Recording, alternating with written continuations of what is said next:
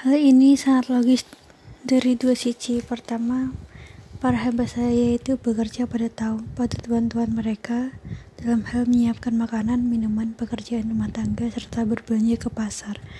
Kedua, ada perbedaan kedudukan sosial antara orang merdeka dan hamba saya.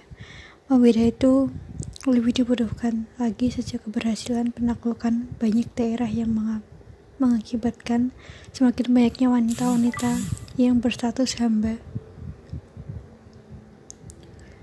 Hamba saya ini mengantar para pakar-pakar hukum masa lalu memberi perhatian besar pada pembahasan tentang hukum-hukum agama yang diperuntukkan khusus bagi orang-orang merdeka dan juga hukum-hukum agama yang diperuntukkan khusus bagi hamba saya di banyak bidang seperti pernikahan, perceraian, pencemaran nama baik, perzinaan, dan sebagainya.